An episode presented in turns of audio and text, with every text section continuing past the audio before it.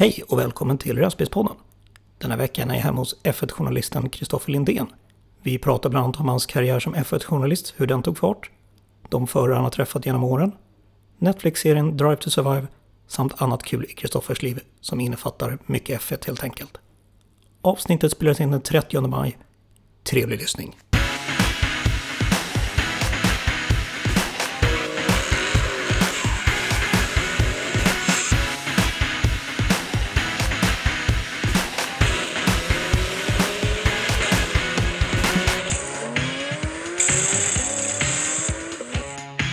Idag sitter jag med Kristoffer Lindén. Hej Kristoffer. Hej på dig. Hej. Hur är läget? Ja, det är riktigt bra. Ja, härligt. Eh, sitter jag här hemma hos dig här i eh, Högdalen? Högdalen är vi, just Ja. det. Och eh, ska snacka lite om vem du är. Ja, det blir Men- kul. Ja, precis. Men jag tänkte vi kan börja lite grann med snabba fakta. Ålder. Ja, jag fyllde nyss 30. Grattis. Ja, Ja. tack. Yrke. Ja. Journalist, bland annat. Jag håller på att bygga upp olika inkomstströmmar baserat på motorsport. Där är ju journalisten kanske det viktigaste. Men sen jobbar jag ju med många olika företag inom motorsporten. Till exempel Roymac Racing som säljer F1 körupplevelser i Sverige, Finland och Estland. Okej. Typ. Och sen så hjälper jag eh, lite, lite resebyråer som äh, säljer F1-resor också. Okej. Så ja, och sen finns det några till också som jag samarbetar med. Racing Time bland annat, som Mm. säljer motorsportklockor. Så ja, jag är lite inblandad i många syltburkar om man säger så. Ja.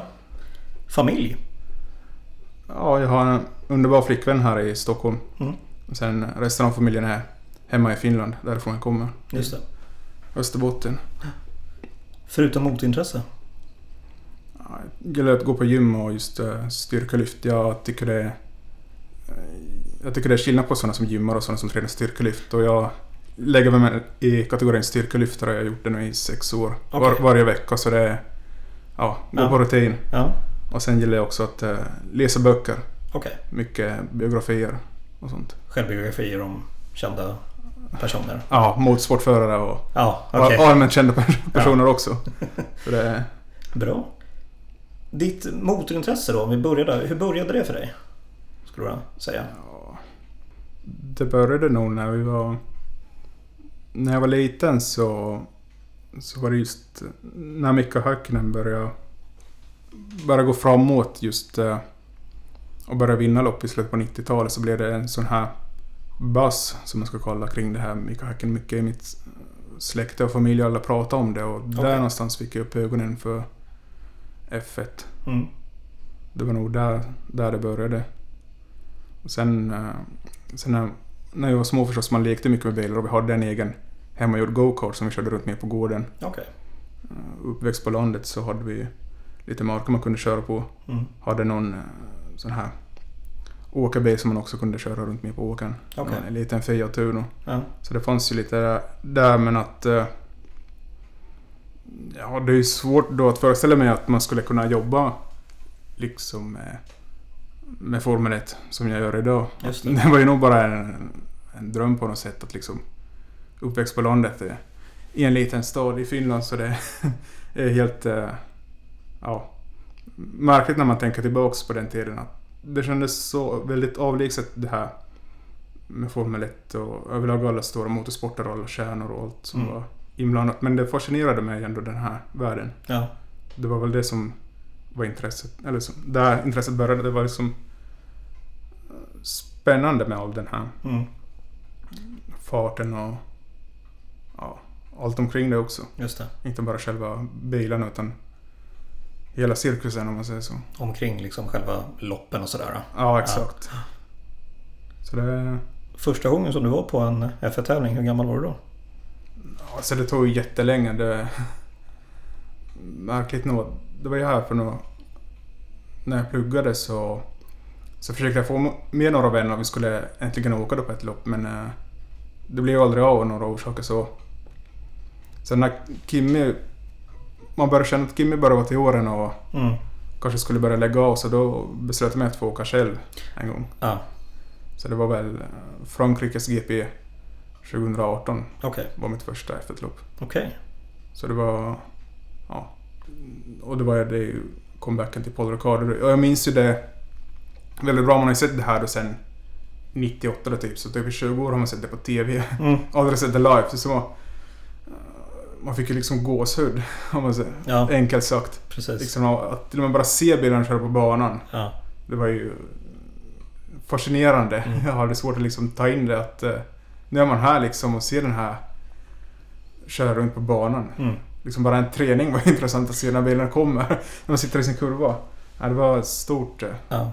ögonblick tyckte jag. Vad skulle du säga liksom, för du har ju sett extremt mycket på TV i sig då. Ja. Men det är ju en väldig skillnad att sitta och se på TV och vara på plats liksom. Är det liksom... Käns får du samma känsla när du är... Du har sett loppen på TV och sen är du på plats där. Man går väl in i en bubbla också mycket. I det. Ja. Ja, det kan nog stämma. Ja. Det är ju lite annorlunda. Man har inte lika bra koll när man är på plats.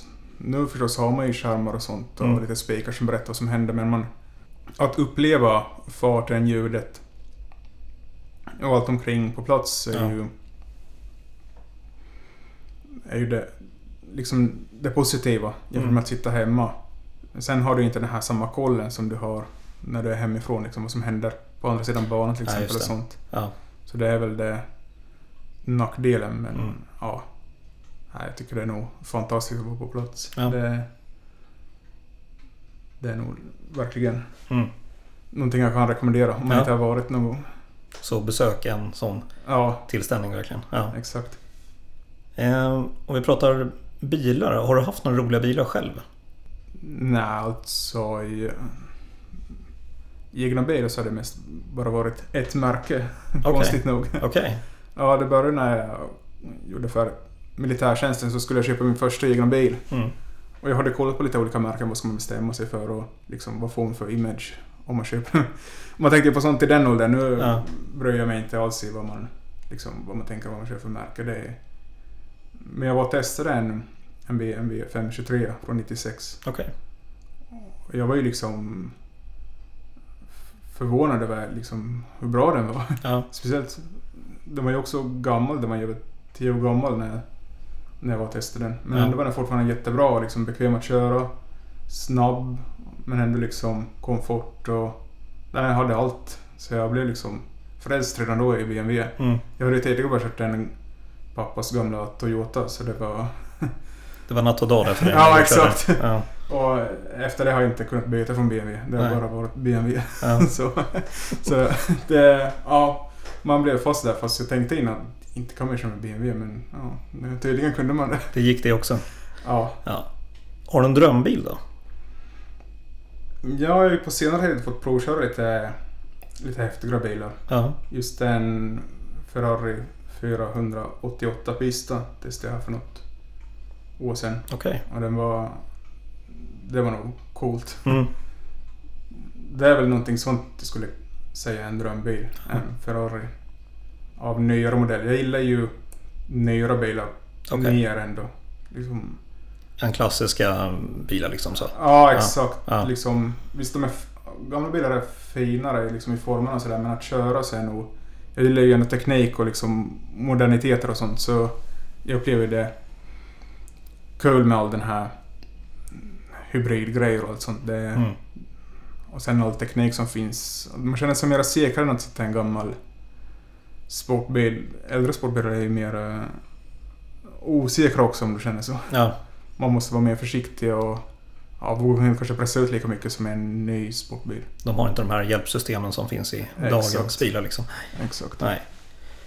Ehm, som sagt, vi, det har ju framgått här att det har varit väldigt mycket F1 för din del liksom, som du är uppvuxen med. Och som Ja. du tittar väldigt mycket på. Hur började det för dig? För du är ju F1-journalist. Är du ju. Ja. Ja. Hur, du är utbildad journalist? Eller Nej. nej, Nej. det är du inte. Som många andra som jag märkt inte är det verkligen. Nej. Nej. Det... Hur började det för dig? Liksom? Hur kom du in på... Alltså var det F1-journalist direkt eller har du jobbat som motorjournalist innan? Som du liksom klev in på F1-biten så att säga? Ja, så det är en ganska märklig historia. Alltså jag, jag pluggade till ingenjör inom... Eller jag började plugga inom bilingenjör faktiskt i, i Vasa i, i Finland på Okej. svenska. Men där någonstans kände jag att det här bilingenjör så kommer du inte så långt. Det tar dig inte till F1 att du kanske kommer till en besiktningsstation. Liksom. Mm. Eller någonting. Det är väl ungefär i den branschen man hamnar, eller på en bilaffär. Ja. Som är någon ledarskapsroll. Så jag bytte väl någonstans till industriell ekonomi då, Okej. som det heter. Och sen gick jag färdigt där och formeten var ändå bara ett intresse. För visst var det en dröm också att kunna jobba där, men det kändes väldigt avlägset ändå, du vet, hemma i, i kalla Finland. Ja. liksom, det fanns inte någon rak väg, eller trappsteg vilken man skulle ta för att ta sig till F1 ändå. Okej. För det var så avlägset, hela den här miljön. Mm. Sen så hade jag eh, några jobb där då i Vasatrakten och sen pluggade jag lite till på universitet på Handelshögskolan i Vasa. Mm. Sen visste jag inte riktigt vad jag ville göra efteråt så det drog ut lite på tiden med studierna. Men det blev... eh, Det var i samband med det här att jag började åka runt på loppen själv då jag åkte först på det här till Frankrike, sen var jag till Italien och sen så var jag nere till Barcelona på försäsongstesterna 2019 Okej. borde det bli. Ja. Man kunde liksom köpa en biljett för att få Paddock Access. Det var första gången och det var inte så mycket, många som visste om det. Nej. Men du kunde liksom gå runt där alla jobbade innan. Mm. Det var ju helt otroligt att du kunde liksom... Och det var billigt, det var typ tusen spänn per dag ändå. Jaha. Det är ju, det är ju mycket mer om du ska vara där en racehelg. Ja, gud ja. Så ja, jag köpte det där för några dagar och gick, gick runt där och liksom pratade med folk. Träffade ju många av förarna och personal och det var ju häftigt i sig. Mm. Men det var där någonstans jag, jag träffade en annan österbottning då som, som jag kände igen. Han har varit med på någon finlandssvensk liksom, var det TV eller radio de har pratat om Formel 1. Okej. Så jag kände liksom... Jag gick fram till honom och började prata lite och visste vem han var. Vi började prata och sen kände vi väl ganska samhörighet att vi båda hade en eh, ganska grov dialekt. Och eh, ja, var lite från samma ställe då i Finland. Ja. Liksom kunde... Ja, liksom kände oss att... Ja, samhörighet helt enkelt. Precis. Ni klickade rätt bra där och snabbt. Ja, exakt. Ja. Och det var han då som jobbade med det här företaget Mycket Racing. De hade varit till Ungern en gång. De har ju kört på riktiga F1-banor på Mm. Hungaroring då. Och då hade en sporttidning i Ungern varit och gjort ett, ett reportage om den här körupplevelsen på Okej. Hungaroring. Och det var i samband med det som... eh, De kom väldigt bra överens med den här Tony heter han Mm. by the way, Tony Swatchy, måste jag säga. Så... Då fick han chansen att liksom få medieackreditering en gång till ett lopp då till Ungas GP. Ja. Men han kände inte att han kunde ta emot det för att han... han är inte lagd åt det hållet liksom att skriva eller som, göra sådana grejer inom Okej. media. Han är Mm. bättre på att prata än att skriva. Okej.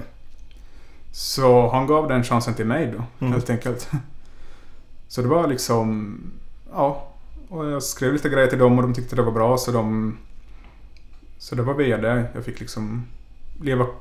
Då lämnade de in en ansökan till mig att jag skulle få bli medieackreditator till F1-loppet i Ungern 2019. Mm. Så det var liksom... Ja. Ungefär ett år efter jag var på min första F1-lopp så ett år senare var jag inne i mediebranschen då var F1. Ja. Så det liksom gick ganska fort där. ja, verkligen. Ja. Och jag är inte utbildad journalist men tydligen skrev jag tillräckligt bra för Mm. att... eh, Och det var ju mer det här att jag hade en djup förståelse i hur loppen fungerar och liksom intresse för alla omkring personer och sånt. Det var mer som sånt som hjälpte mig att få det här än själva journalistiska förmågan. Ja. Ja, det har jag fått lära mig i efterhand istället. Mm. Med att kunna bygga texter, hur man, Ja, hur man bygger en, liksom en text så att det blir intressant. Ja, exakt. Ja. Mina, mina första texter var ju kanske inte de, de bästa. Nej, okej. Den krävdes lite redigering av Ja. sådana som kan. Men ja, så det var, det var där det började enkelt sagt. Ganska roligt också, det var samma dag som jag lämnade in min avhandling på Handels så, så åkte jag ner till Ungern då på min första F1-lopp. Okej. Ganska Ja. roligt minne tycker jag att man liksom blev färdig med studierna och sen rakt in i F1-världen. på riktigt då. Mm. Så ja, Dina klasskompisar, vad skulle de ta vägen? Så att säga? Du får iväg till F1-världen och de andra... Ja, de har väl fina jobb på olika företag. Ja. Jag vet. Ja, vi har mycket kontakt ännu men... Är, de, är de avundsjuka på dig? Ja... Några kanske? Nej, det har väl kommit mer under senare år just när... eh, när F1 har växt igen så mycket som det har gjort. Ja. När jag senast var hemma till oss här vid ungefär en månad sedan så var det många klasskompis som frågade liksom hur... Hur liksom... Fick du det här jobbet och... Ja, vad, vad fan hände liksom? Vi var, Ja. vi var här bara för några år sedan och sen mitt i allt är du ute med en... Bland en massa F1-stjärnor. Vad, Mm. vad hände där liksom? Det är väl där någonstans jag ser mig mest som en entreprenör just att man kan bygga någonting från ingenting och sen tjäna pengar på det också. Mm. Det är väl det som jag har lyckats göra då. För det var inte att jag sökte ett jobb direkt utan det var mer att jag...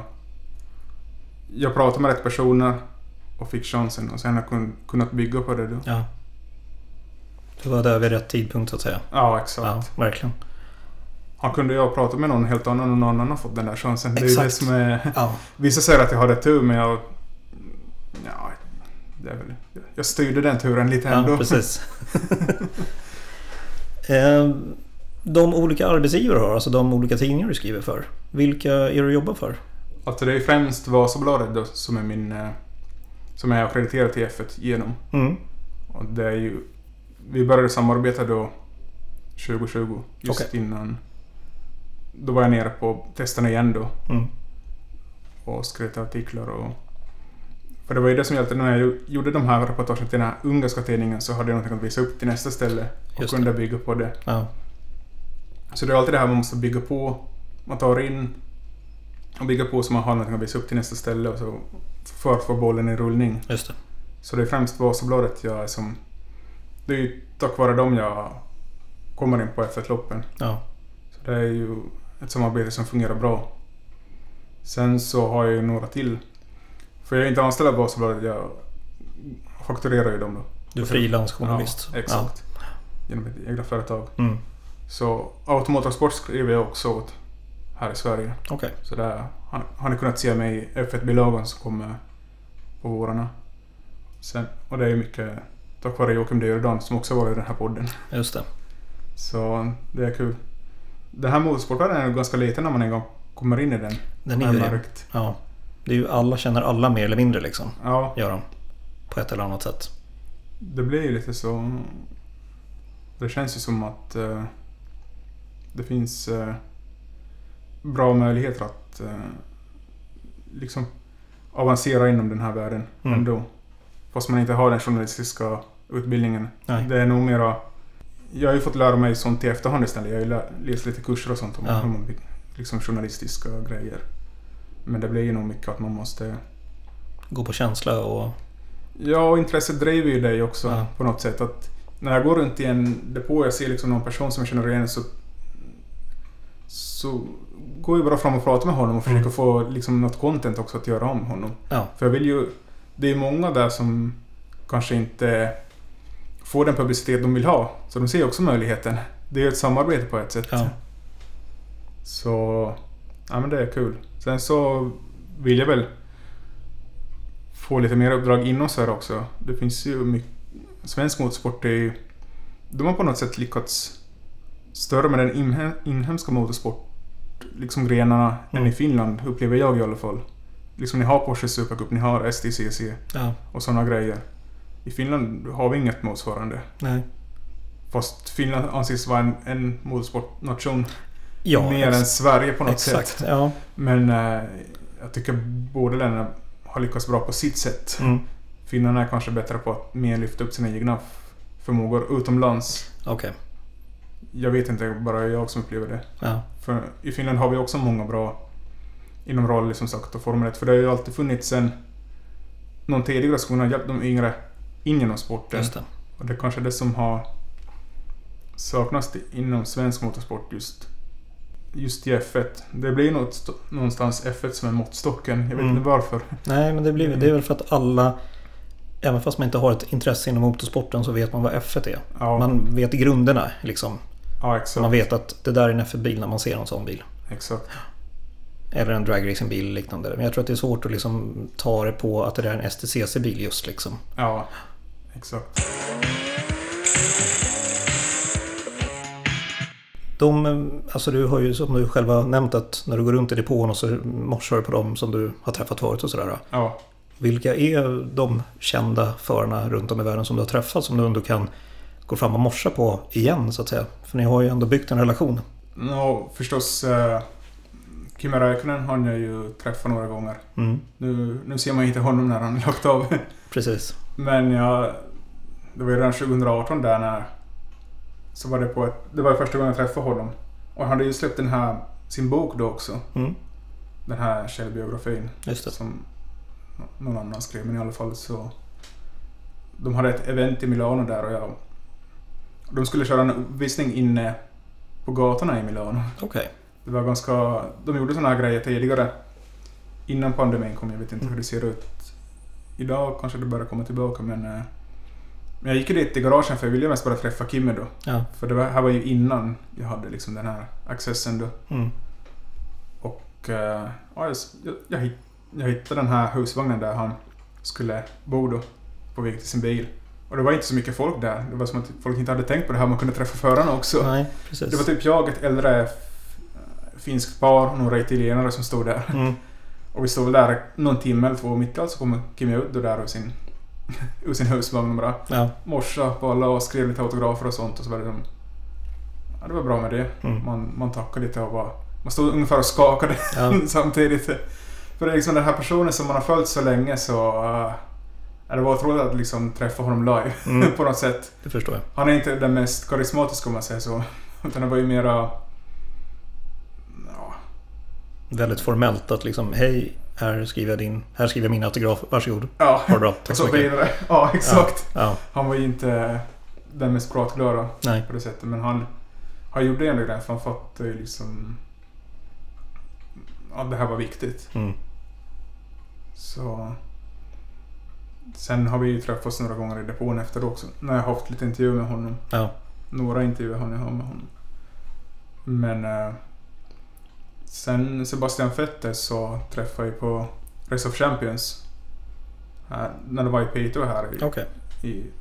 Var det i februari? Mm, Han stod, vi stod där uppe på taket och kollade några andra övningskörde om dagen och vi fick ett jättetrevligt samtal där. Och, och sen eh, dagen efter så fick man anmäla sig som journalist. Så fick man anmäla sig till att sitta på med någon av förarna när de tävlar på banan. Okej. Så det gjorde jag. Jag anmälde mig då och skulle få någon förare. Först skulle jag väl få Häkkinen men det var någonting som hände på banan som gjorde att det inte blev av.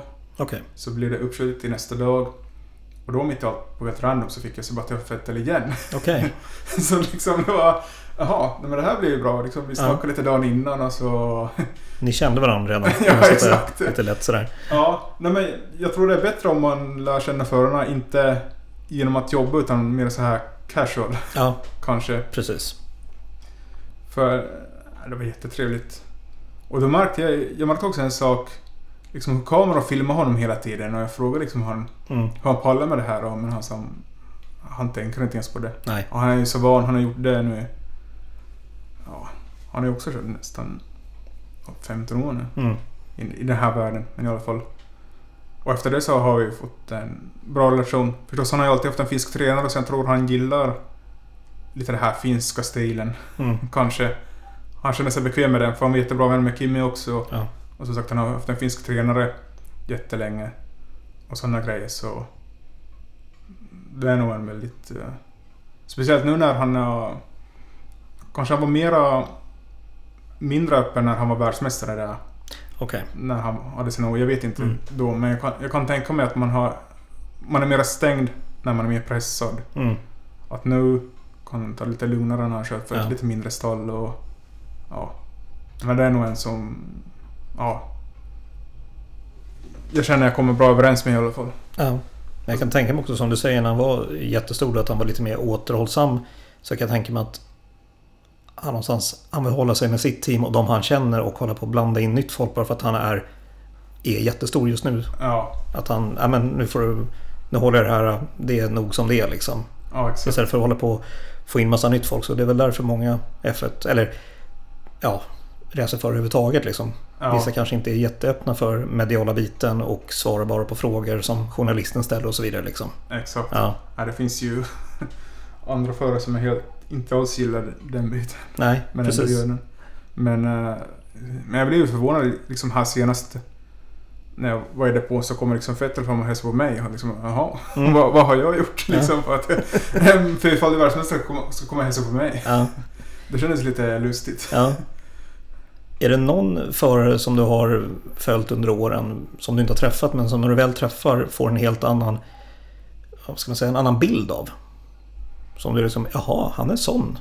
Eller oj, han gjorde så här istället liksom. Att man, du blir lite chockad över det. Ja, det finns väl några. Det är ju många som eh, spelar ett spel just hur man är mot media eller liksom hur man är i paddock. Vissa kanske låser in sig, och Mm. andra gillar uppmärksamheten. Hamilton är väl sån, en sån som har märkt att han är också väldigt introvert. Okej. Fast man inte... Kanske vissa upplever det, för han gillar ju ändå massa såna här grejer utanför F1 också som han... Han är ju med och gör klädkollektioner, han gör musik och allt Ja. möjligt sånt. Men ändå är han väldigt ensam, Mm. eller hur man ska säga. Det var jag lite förvånad av. Han har sitt entourage alltid med några vänner som kommer på banan, men han är inte så... Han exponeras inte. Nej, han är inte så öppen sättet. som jag trodde han skulle vara. Okej. Det är kanske Mm. en... Men du har pratat med honom? Ja, lite. Lite? Ja. Ja, lite. Inte så mycket. Nej. Och han är inte så öppen heller när, han, när man pratar med honom kanske heller då? Nej, Nej. speciellt i år har han ju blivit jätte... Jag minns... eh, Men jag har lite svårt med Hamilton. Det är lite... När det går bra så ska liksom... Han ska liksom kreditera alla som har hjälpt honom och så här och det blir lite för mycket humble brag som det kallas. Okej. Det är det som jag... Han känns inte så genuin som Kim. Jämfört med Kimmy då som han sa ju alltid bara vad han tyckte. Ja. Och det var liksom bra med det. Det Mm. var ju kanske inte det bästa att skriva någonting på. Nej. Men eh, det kändes mer genuint. Sen... Ja. Det är väl... Det är väl i alla fall en jag har märkt. Sen... Eh, Alonso gillar jag ju också. Och han är väldigt chill. Jag trodde han skulle vara mera... Det kanske har att göra med att han gjort en comeback nu igen. Mm. Eller hur man ska räkna. Han har ju varit i F1 väldigt länge, var borta några år och nu är tillbaka. Jag har ju inte träffat honom hur han var tidigare. Nej. Men jag upplevde honom som väldigt så här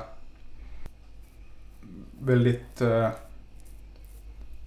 stängd på något sätt. Kanske Okej. väldigt målmedveten och inte lite som Schumacher var. Att han ville inte prata så mycket med media och så här. Men han är Alonso är jättechill upplever Mm. jag.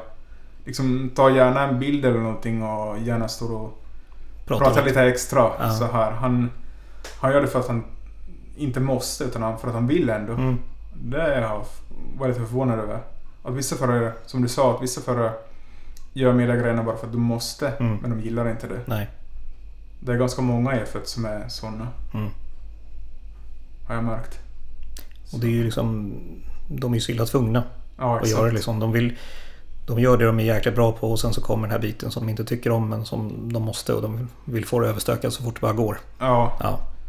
och det där är ju svårt för oss som också som ska skriva om F1. Om det inte... Om det inte kommer ut någon information vi kan skriva om heller så blir det ju... Det är ju därför det blir de här... Vi måste ändå få lön för jobbet vi gör där. Exakt. Men om det inte finns något att skriva om så Nej. blir det ju ibland sådana här konstiga nyheter. Som nu senast när man pratar om näsringar och som man inte ska få ha i och Mm. sådana grejer. Som är helt ointressant egentligen men Ja. eftersom det inte finns något annat att prata om så blir det lite... En lite märklig situation. Jag tror... Jag upplever det som att de är bättre på det där i, i USA just med Nascar och Indycar. Mm. Men är det för att det är en annan kultur där också kanske? Att Ja. Där vill man ju verkligen synas och man ska vara lite fördomsfull på det sättet. Att de, de bjuder in media och liksom, ja men nu kör vi liksom. Ja, exakt. Ja. Jag tror det är en Ja. annan kultur. Sen så... F1 har en tradition av just... Det ska bevakas i alla olika tidningar. Just det. Indycar och Nascar så är det ju f- kanske mer de egna medierna som ger ut materialet. Ja. Jag är inte så jätteinsatt men jag upplever det så att det finns li- lika många liksom om du åker på ett F1-lopp nu då i Imola till exempel så är det ju massor med en lokal, massa lokala italienska tidningar som åker dit Mm. och det är internationella tidningar och det är, vet, det är från Australien, det är från Japan är där till och med. Det är liksom från hela världen. Sydamerika kommer till lilla Italien. Amerika är ju mera, det är mera en nationell serie också Ja. förstås. Men jag vet inte där. Jag måste åka dit någon gång och se hur mycket lokala tidningar som kommer på ett Mm, Indycar-event. Det skulle vara Ja. intressant att jämföra faktiskt. precis. Nej, men det är en grej jag har reagerat på just att det... Nu kör ju F1 mycket egna nyheter också. Det är ju lite problem för oss när folk kan gå in på f1.com och läsa gratis samma information som Ja. man själv tar reda på. Så det är, det är det som är det svåra. Att få någonting idag, att få någonting exklusivt när det är på jobb där också. Mm. Att det blir ju... När det står på, efter en kvalsession så får den två, tre minuter med varje förare. Mm. Och då står ju alla skrivande journalister där. Så alla får ju samma frågor och samma svar. Just det. Så det ja, blir ju svårt att få någonting som Exakt. ingen annan har skrivit om. Nej. Det är ju det man borde... Men jag vet inte hur man... ska- F1 har någonting svårt där, för sen har de de här presskonferenserna alltid inför helgen. Mm. Och där kan det liksom vara bara... Det är de här rutinfrågorna liksom, vad tror du om helgen och... Mm. Det är inte så intressant att vara på en presskonferens, Nej. de här officiella, innan den helst startat. Nej. För det är alltid samma frågor. Ja, Hur känns det inför den här helgen? Ja, vad tror ni? Ja, exakt. Ja, vi, har inte, ja. satt oss i bilen än och vad ska vi, Nej, vad ska vi veta? precis. Det måste vara en, om man säger en idrottsstjärnas värsta just inför en presskonferens. Ja, Innan matchen, loppet eller liknande. Liksom att, vad tror du om, om morgondagens chanser? Jag, Ja. jag vet inte, jag har ingen kristallkula. Jag kan inte titta. exakt. Nej. Men det är också svårt när vi ska vara där och rapportera vad som händer. Bara, ja. Ja, de säger att bilen kommer passa bra här, men den kanske inte gör det. Den kanske gör det. De vet ju inte, men de är inte bara baserat på data. om Ja, den precis. Kan, kommer gå bra här. Ja. Hej! Marcus här från Racebilspodden. Ledsen om jag stör mitt i avsnittet. Du har väl inte missat att Racebilspodden finns både på Instagram och som grupp på Facebook också? Kom med också så får du det senaste nytt om vad som händer och sker i podden. Tack för din tid! Hur för, alltså när du ska gör, skriva ett reportage, hur förbereder du inför? Alltså det måste ju vara extremt svårt för du vet ju inte vad som händer. Du vet inte vad, vad förarna är på för humör, om de vill prata överhuvudtaget. Hur liksom känner du att det här funkar alltid, jag jobbar så här eller nu får jag tänka om. Hur, Mm. hur bygger du upp en sån bit så att säga inför när du ska skriva ett reportage? Ja. Det är det där man måste alltid... Man måste alltid följa med det som händer just då. Ja, Sen så, jag måste ju nämna det också, det finns ju möjlighet att få en exklusiv intervju med förare som jag har haft några gånger, men det måste man ju söka ganska långt på förhand. mm, Och jag har ett jättebra exempel på det här när det inte gick så bra med... När jag skulle intervjua Valtteri Bottas när han körde för Mercedes förra året, okej. blir det. Jo. Jag fick den chansen till Azerbajdzjans GP Mm. i Baku. Och jag skulle göra det på torsdag. På torsdag kväll då, för normalt...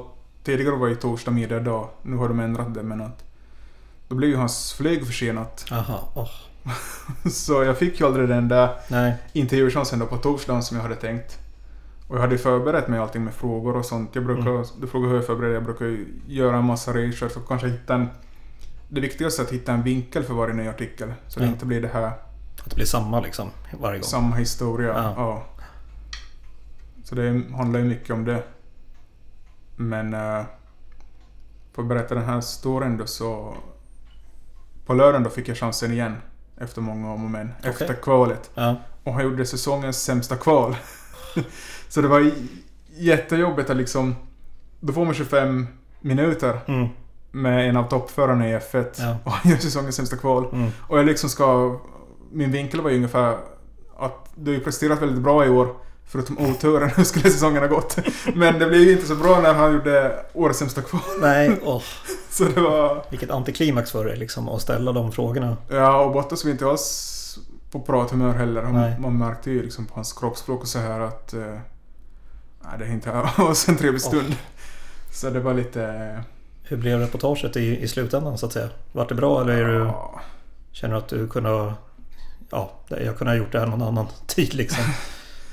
Ja, Ja. Nej, alltså det var inte bästa stunden men... Eh, det var ju mycket det här, jag vinklade ju just då det här på att Bottas hade presterat bra men han, hade- han hade så mycket motgångar han inte kunde påverka Mm.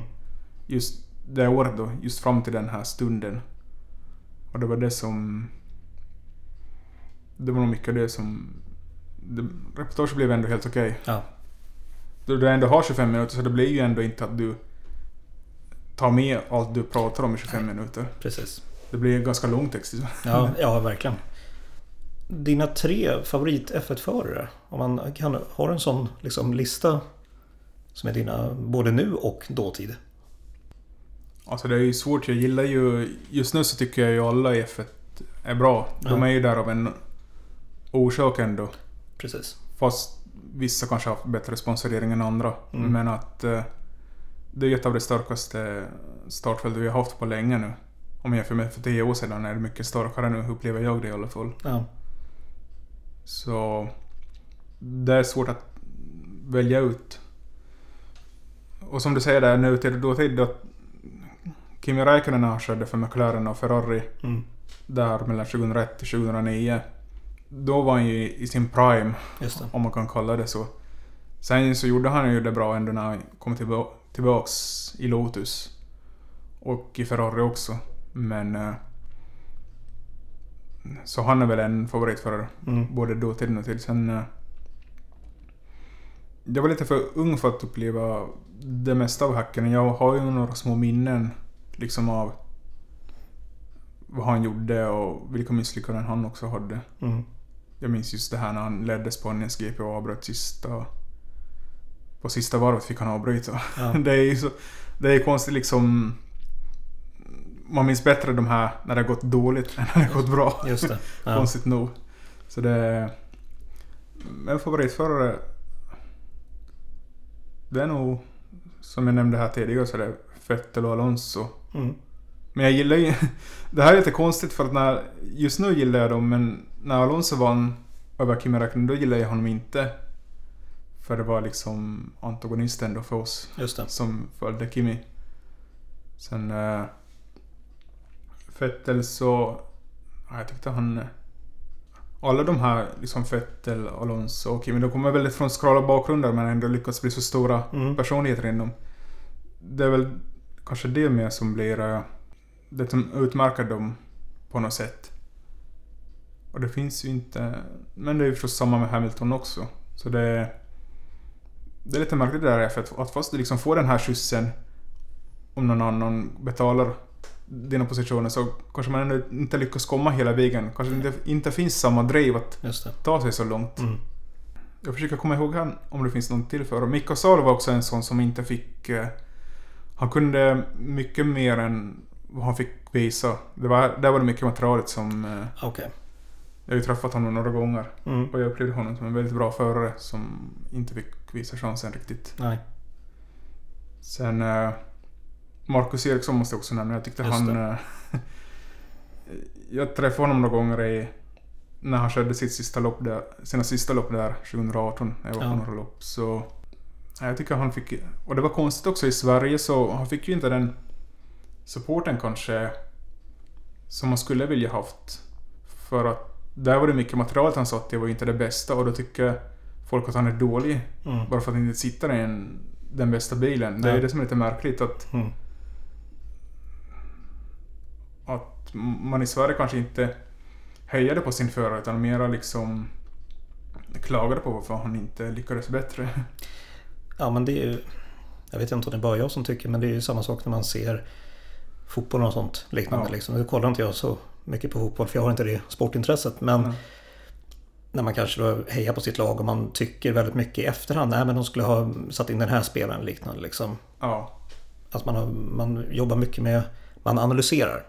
exakt. Ja, Ja, kan, jag, kan jag tänka mig i alla fall. Det är min bild på det i alla fall. ja exakt. Och vi hade ju samma sak där också när Valtteri Bottas körde för Mercedes i, i fem år. Ja, Då var det ju många i Finland som liksom började tycka illa om honom. Att varför lyckades han inte prestera? okej. Ja, Men det fanns ju liksom orsaker till det också som Mm. folk vägrade inse.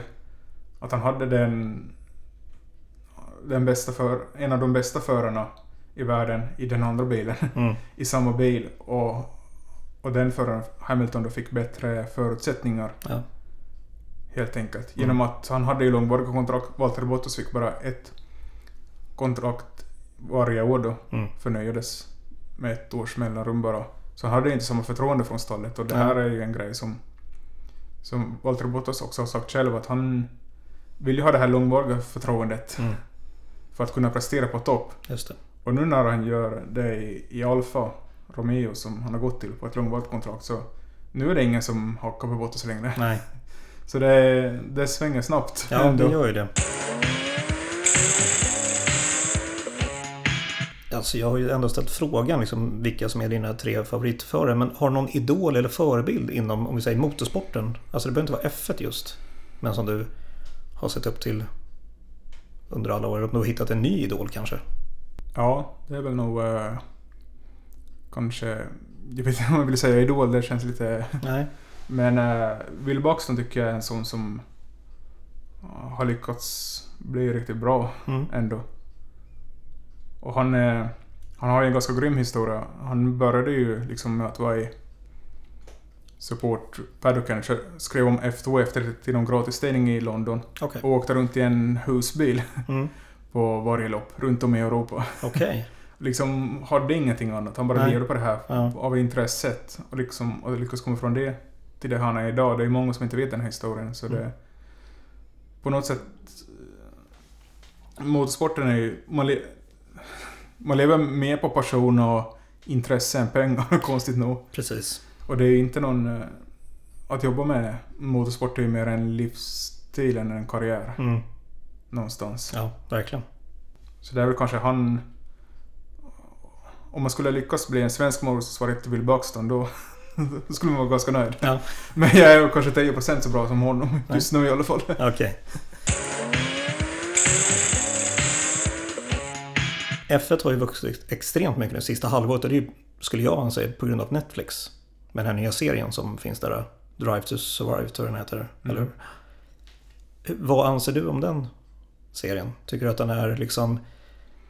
Är den rättvis? Jag tyckte att första säsongen var bra. Och när jag fick den här nyheten om att de kommer göra en, en sån här behind the scenes-serie så tänkte jag att eh, nu får man äntligen se lite vad som händer bakom kulisserna. Ja. Och första säsongen var ju där 2018. eh, Kom ju ut just när jag började jobba inom F1 då. Så det var ju på något sätt en ny vinkel man fick se. Mm. Men det var ju inte det här att man tog det som lopp för lopp och visade vad som hände bakom kulisserna. Bakom det loppet. Och det har man ju märkt i följande säsonger att det har blivit mer så här att man man frångår ju liksom vad som hände under hela säsongen på något sätt. Ja.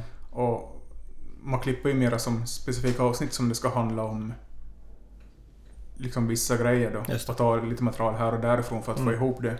Så det är väl det jag inte gillar. Och så skapar man lite vissa storylines som inte...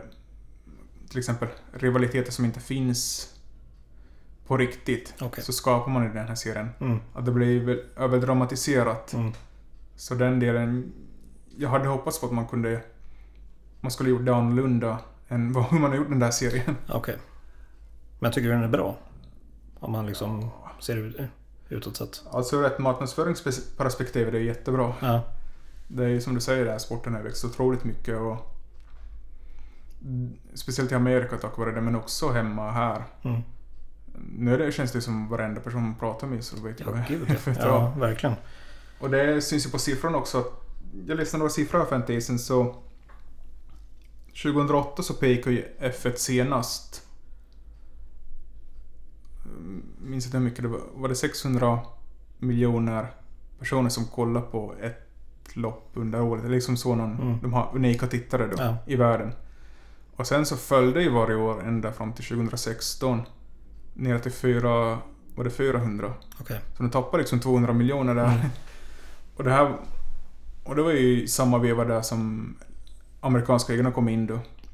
Och efter det har de gjort massa punktinsatser då som har gjort att den har kunnat växa upp både på social media, tv-serier.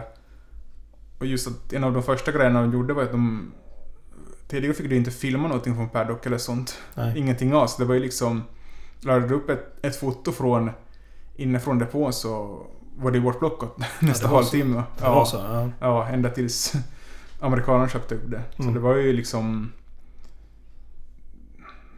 Förstås man tack vare det här, det var väldigt stängt och skymt så lyckades man bygga upp den här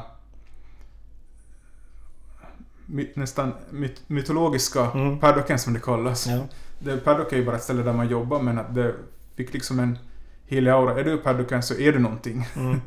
Det var ju det man lyckades bygga med att han är väldigt stängd och så här. Nu har man ju svängt det där den är väldigt öppen och man tar in en massa eh, folk som inte känner till F1 eller liksom artister eller någonting som kanske inte har varit på något lopp tidigare eller något sånt för att för de ska liksom filma lite grejer inifrån paddocken och, och kanske få nya tittare då. Mm. För du kanske följer en artist då som får vara på plats i ett lopp.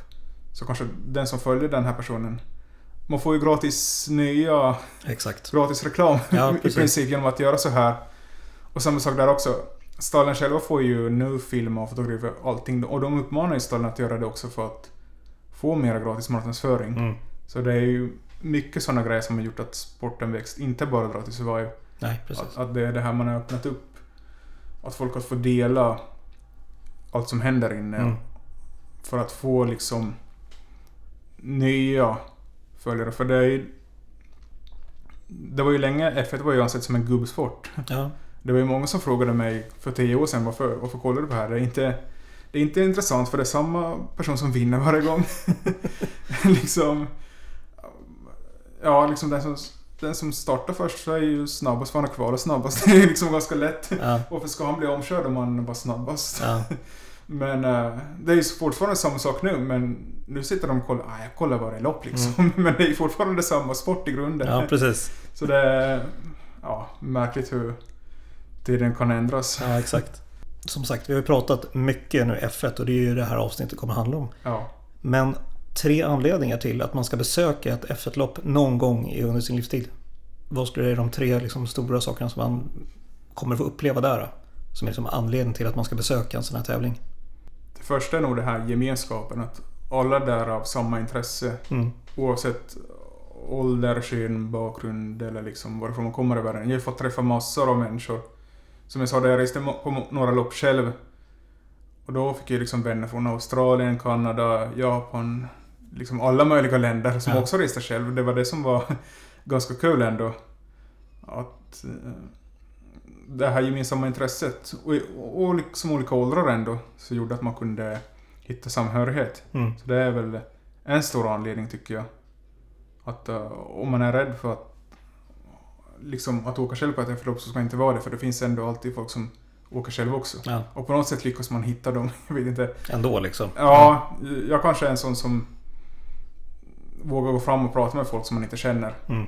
Och det behöver inte vara någon stor grej, man kan ju bara fråga liksom var, var, buss, var bussen till loppet går och så. Ja. Ja.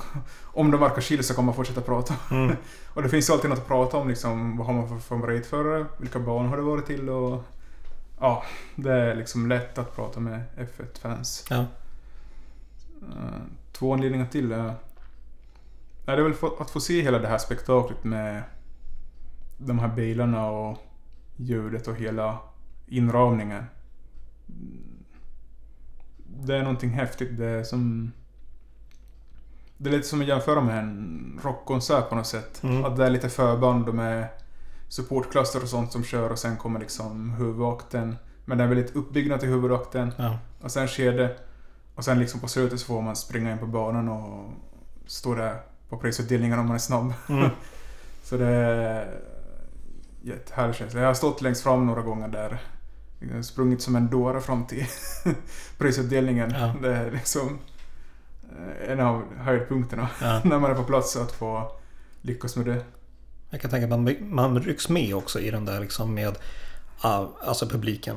Ja, Även om man exakt. kanske inte har ett intresse men, nej, men jag ska åka och titta i alla fall. Men att man rycks med i det där. Ja, absolut. Ja. Det märkte jag speciellt förra året när eh, Hamilton och Verstappen kraschade i, i kurva 1 på Monza. Mm. Så står jag ju där och så hör man liksom hur allihopa liksom vrålar Ja. av det blir som så gemensamt, som du säger, att eh, alla liksom rycks med i det som händer på banan. Mm. Och man liksom, man vet inte vad som händer riktigt. Det är ju sådana här ögonblick som något sätt fastnar efter historien om man får vara där och uppleva det live. Det Ja. är det som är... Det är sådana lopp som fastnar på minnet alltid. Mm. Det är det som är så... Ja, det är intressant. Mm. Samma också på Monza. Monza är ett bra ställe att åka till för det händer alltid grejer där. Okej. Det var samma när Kimi Räikkönen tog pole där för några år sedan så var det liksom... Man hörde liksom ett jubel över hela banan när han var snabbast Ja. i kvalet. Det var liksom helt otroligt. Alla liksom var så glada. Mm. För han hade inte tagit pole på en jättelång tid. Och det var Ferraris hemmabana. Men liksom oavsett varifrån du kom och vem du hejade på så var alla glada för det var Kimi som vann. Det var Mm. liksom ett enormt jubel som du... Ja, hela staden hörde det säkert. För det var ett mä- mäktigt vrål av allihopa. Ja. Och, ja, Det är få som buar. ja, I det läget, Ja. ja.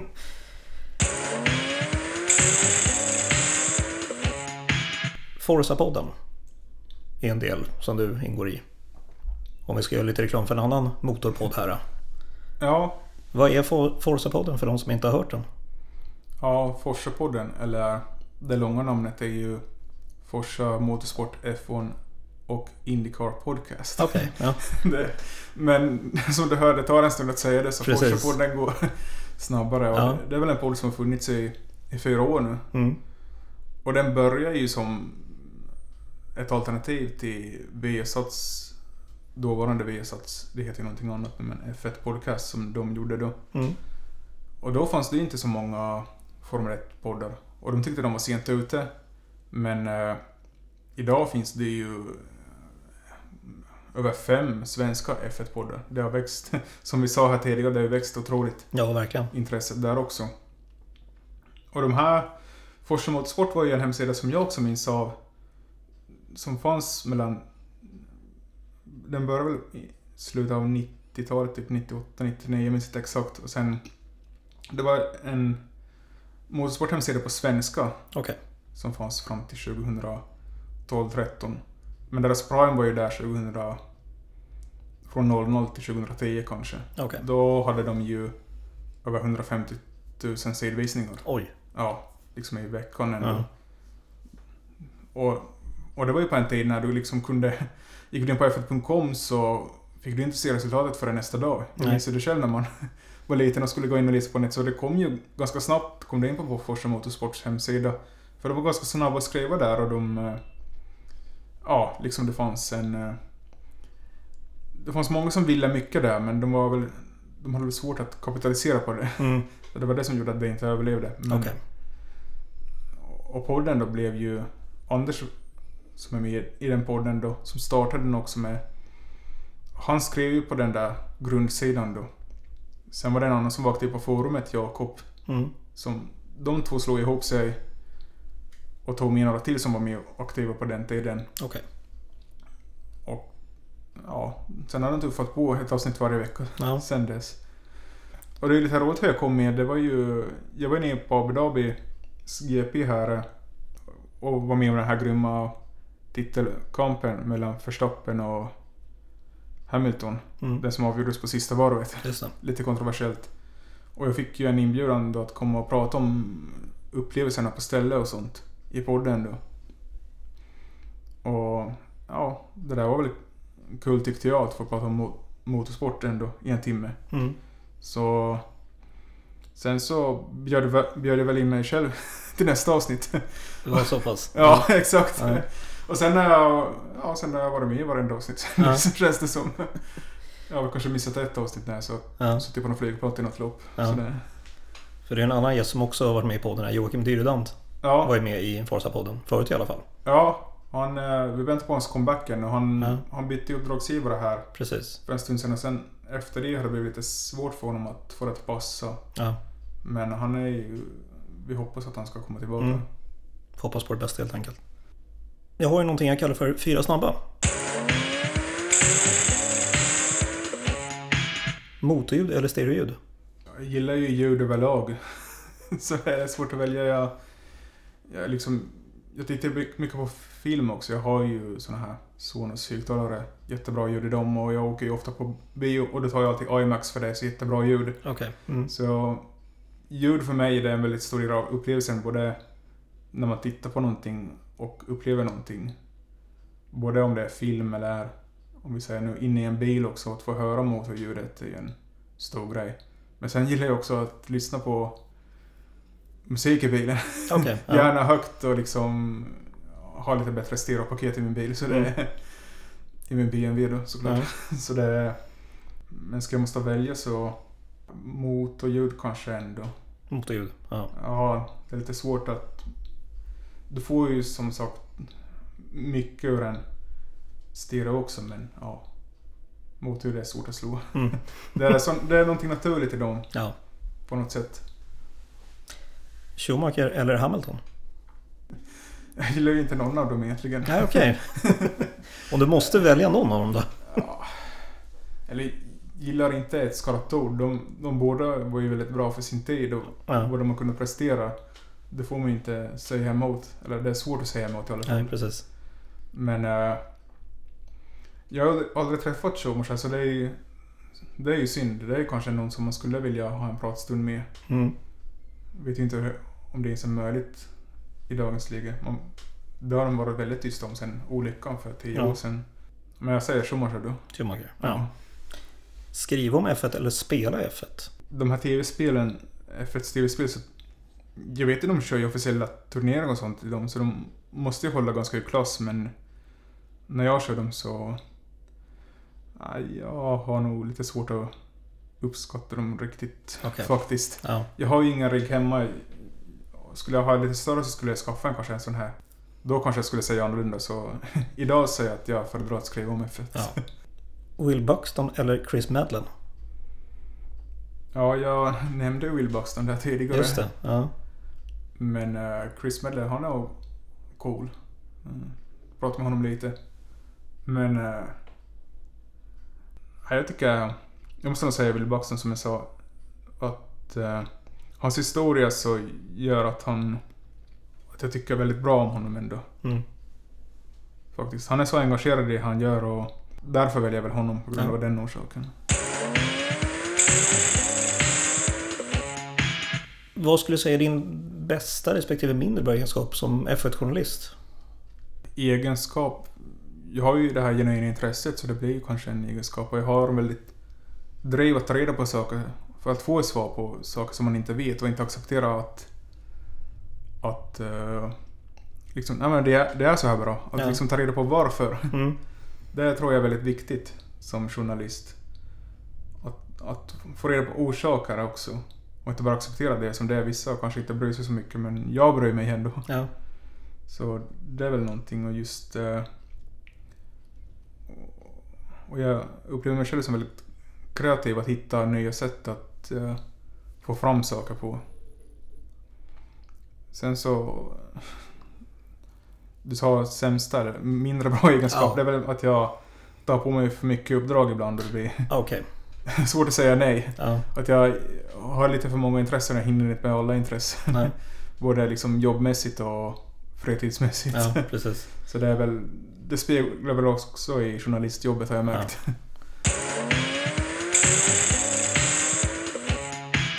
Som sagt, du läser ju väldigt mycket böcker som du sa. Självbiografier och Mm. sådär. Dina tre liksom...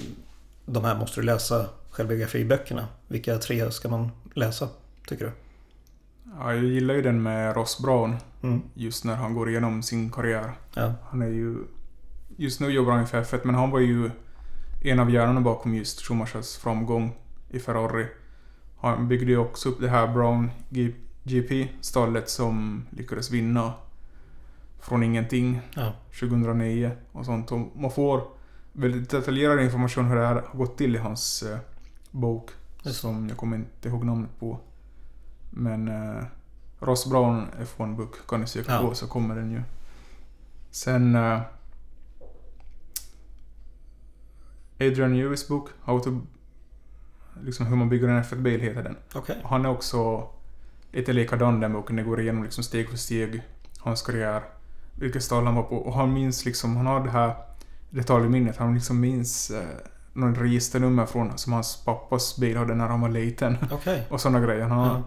Otroligt. Jag tycker ju om böcker för det sättet för du, det liksom, du får information från en annan människa utan att behöva träffa människan. Mm, Det är därför jag gillar böcker, att det finns så mycket... Det finns så mycket där som man kan ta fasta på. Ja. Och saker man kommer ihåg liksom flera år efter om man har läst böckerna. Mm. Det är det som fascinerar mig. Och jag har ju läst mycket hela livet. Det, det är väl därför har bokintresset. Ja. Sen eh, tredje boken, om vi, inte ska, om vi ska ta en som inte är motrelaterad, Mm. kommer på en bra. Det är den här med Elon Musks uh, självbiografi. Okej. Som... Kommer inte ihåg vad den heter heller. Nej. Men den släpptes där 2014, 15 någon gång. Okej. Den gillar jag också mycket. Det är väl de... Tre måsten, så att säga. Ja, i alla fall enligt Ja. mig. Ja. Tre, tre väldigt bra böcker. Ja. Om man vill få kontakt med dig och följa din, eh, ditt F1-liv, eller vad man ska kalla det som journalist. Ja, det finns på alla sociala medier. Ja. Twitter, Instagram, Facebook, eh, LinkedIn brukar jag lägga lite grejer på. Ja. Jag håller också på att bygga någon egen plattform med YouTube-material och sånt. Jag har ett intresse av att börja med med videor också. Okej. Att jag har tagit stegen upp först, liksom börja skriva. Sen blev det poddande. Och sen börja göra videor också. Men att jag, jag lär mig samtidigt som jag gör de här grejerna. Mm. Då har jag inte gått någon medieutbildning. Nu har jag gått lite vid sidan om medan jag har jobbat faktiskt i efterhand. Men Ja. det känns som att man... Men på något sätt så... Det är det här som man säger att i skolan så lär man sig just in case men i jobbet så lär man sig just in time. Mm. Ganska bra. Precis. Ja, men det är en bra liknelse där verkligen. Ja, exakt. Men då är det Kristoffer Lindén på alla plattformar Ja, rakt igenom. liksom Ja. F1 Kristoffer någonstans. Okej. På Twitter till exempel. Ja. Vem skulle du vilja höra i podden? Ja, jag kom ju på två namn här. Ja. Det var ju Magnus Andersson. Han är fotograf på Viaplay. Och han har ju varit... Han är ju Sveriges enda eh, F1-akkrediterade fotograf. Okej. Han har ju varit på massor med lopp sedan 2008 när han började. Mm. Och så han har ju upplevt massor. Han är ju, kör ju full säsong Ja. alla de åren. Så det är väl någon... Han har säkert massor med stories att berätta. ja, det tror jag. Han har.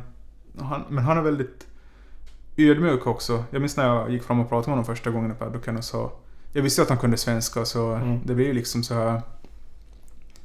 Jag gjorde det när jag har gått i paddocken jag vet ju vilka som är svenska och finska. Det är bra när jag kan båda språken så går jag alltid fram och presenterar mig. Ja. Sen eh, en till som jag kom på här i sist...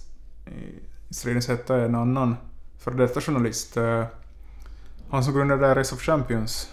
eh, Fredrik...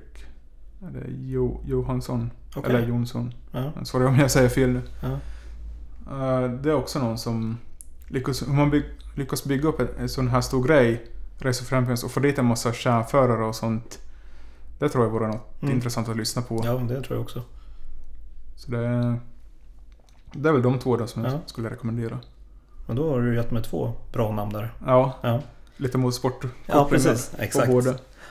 Men Kristoffer, jättekul att du ville vara med i podden och berätta om din karriär inom F1. Ja, Intressant att höra verkligen. ja nej, det var jättekul att vara med och få berätta om det här. Ja. Så får du ha det bra och lycka till nu framöver. Ja, och lycka till med podden du också. Tack så mycket. Ha det bra. Tja!